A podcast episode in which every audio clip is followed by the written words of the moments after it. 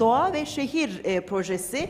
Panelistimizi tekrar e, aktarmak istiyorum. Kim bizimle birlikte? Yıldıray Lise, Doğa Koruma Merkezi Vakfı Genel Müdür Yardımcısı. Efendim Doğa ve Şehirler projesini yürütmüşsünüz. Öncelikle bu e, projeyi bize kısaca anlatabilir misiniz? Nedir Tabii. bu proje? Tabii ki öncelikle çok teşekkür ederim ve bütün arkadaşlara bir Ankaralı vakıf olarak hoş geldiniz diyorum. Biraz da ev sahipliğimiz var. Ee, biz Doğa ve Şehirler Projesi'nde e, Sivil Toplum Diyaloğu 5. programı kapsamında e, Türkiye ve Hollanda arasında özellikle çevre konusunda Sayın Genel Müdürümün söylediği gibi çevre müktesebatı konusunda işbirliği yapmak üzere e, bir diyalog oluşturmak üzerine yola çıktık.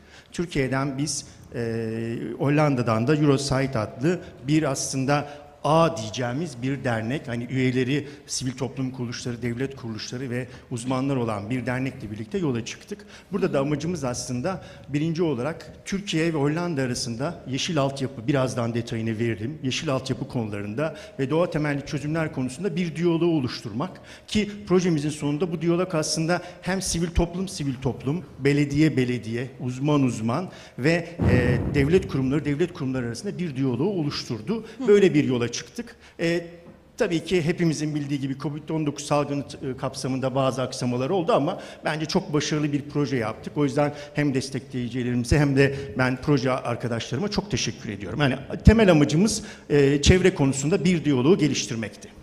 Özellikle Avrupa Birliği'nin e, özelinde düşünürsek e, çevre konusuna ne kadar ehemmiyet verdikleri sadece Avrupa Birliği için değil, ülkemiz için de, dünya için de çevre konusunun ne kadar önemli ve vazgeçilmez olduğunu düşünürsek bu son derece önemli. Peki neler yaptınız Sayın Lise? Şöyle aslında başta dediğim gibi diyaloğu kurmak amacımız oradaki hem sivil toplum hem belediye e, hem de uzmanlar yani Hollandalı uzmanlarla burada Türk uzmanlar arasında bir diyalog oluşturduk aslında. Oraya gidip onlar neler yapıyorlar onlara baktık. Onlar buraya geldi. Bir deneyim aktarımı platformu oluşturduk aslında. Tüm bunların çerçevesinde de aslında birçok yayın yayın geliştirdik. Yani bazıları elimde hani sonradan da gösterebiliriz. Hepsini de proje sitemimizde verdik. Hani mühim olan öncelikle yeşil altyapı konusu nedir onu Türkiye'de bir genel bilgisini verdik.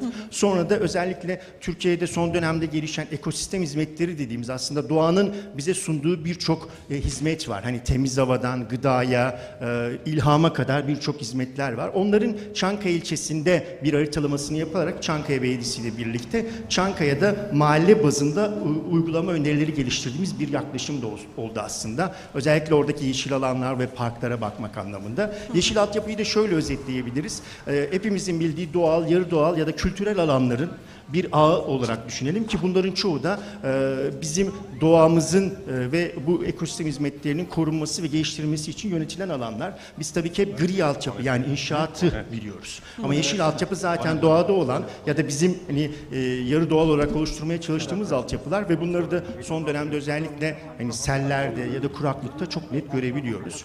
E, bu yeşil altyapı da aslında ne kadar iyi yönetilirse başta kentlerde olmak üzere o kadar daha az e, gri altyapı yatırımıyla bize birçok e, olanak sağlayacak. Şunu söyleyeyim birçok tabii yayın ürettik. Başta bir belgesel olmak üzere. O yüzden Beynis TV'de yayınlanan bir belgeselimiz. Birçok kısa film, e, birçok infografik filmleri bunların hepsini de internet sitemizde doğa ve şehirler.org sitemizde yayınlıyoruz. Amacımız buydu. Sonra projenin sonlarına doğru da aslında e, bir işbirliği protokolü imzaladık Hollanda ve Türkiye arasında kendi çapımızda. Bir de Ankara'daki semt dernekleriyle bir platform kurduk aslında.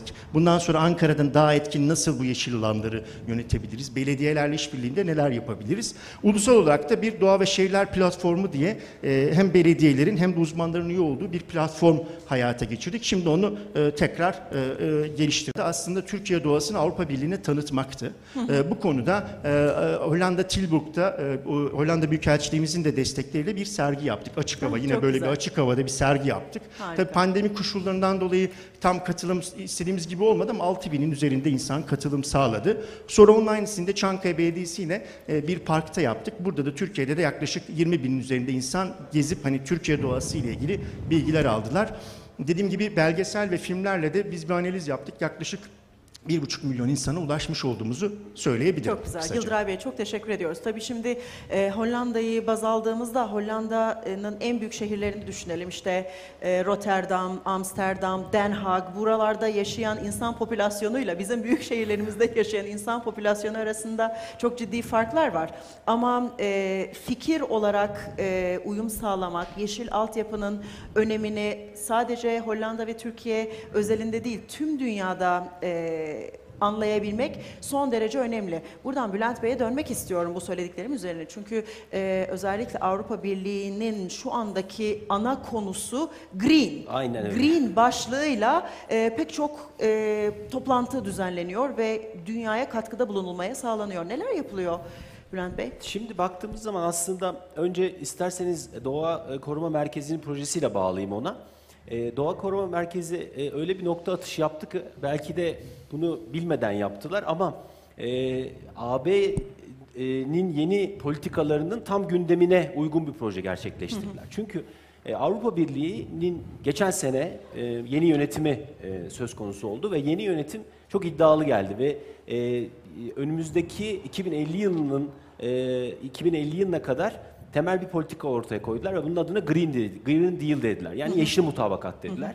Bu e, tarımdan e, ulaştırmaya, çevreden enerjiye aslına bakarsak toplumun e, ilgilendiren hemen hemen tüm konularda e, hayatımızın yeşilleşmesi anlamına geliyor. Yani doğaya daha dikkatli, e, çevreyi koruyan, e, sıfır karbon salınımı yapan, yani artık elektrikli araçlar, daha çok bisiklet, daha çok yürüme, daha çok mobilite alanları, daha çok hareketlilik.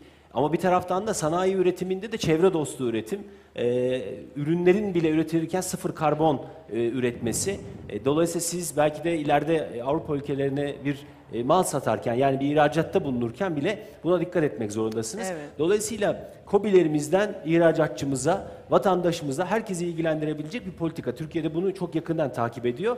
E, bir anlamda da bu politikanın e, parçası olma e, yolunda da ilerliyor. Türkiye'de kendi e, Green Deal'ını e, hazırlamak ve stratejisini sunmak, geliştirdi. stratejisini geliştiriyor ve sunuyor. Bütün kurumlarımızın koordinasyonlarına Aynen, bu yapılıyor. aynen. O yüzden de Doğa Koruma Merkezi'nin projesi aslında bu yeni gündemin tam merkezine oturdu. Çünkü çok e, güzel bir e, e, yaklaşımla geldiler. Yeşil gelecek, Evet, yeşil altyapı. Dolayısıyla o yeşil altyapı aslında bizim yerel yönetimlerimiz açısından da bir yeni bir kavram. Az önce çok güzel ifade ettiler.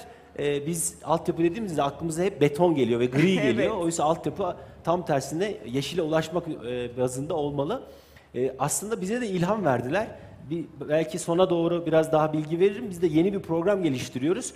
Adına da Yeşil Gelecek koyduk ve tamamen kentlerimizi ilgilendiren bir program. Birazdan onun bilgilerini daha detaylı Çok bilgilerini güzel. veririm. Çok güzel bir e, program, proje e, ve değerlendirme dinledik. Ne dersiniz? Katılıyor musunuz?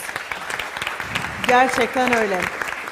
Özellikle Paris Anlaşması'nın bu kadar gündemde olduğu, yeşil geleceğin sürdürülebilir olması açısından hem e, politik anlamda hem bireysel anlamda hem sivil toplum kuruluşlarının neler yapması gerektiği anlamında bu kadar dünya e, teyakkuzdayken e, gerçekten çok değerli bir proje. E, bu güzel projeleri dinlemekte bizim çok hoşumuza gidiyor.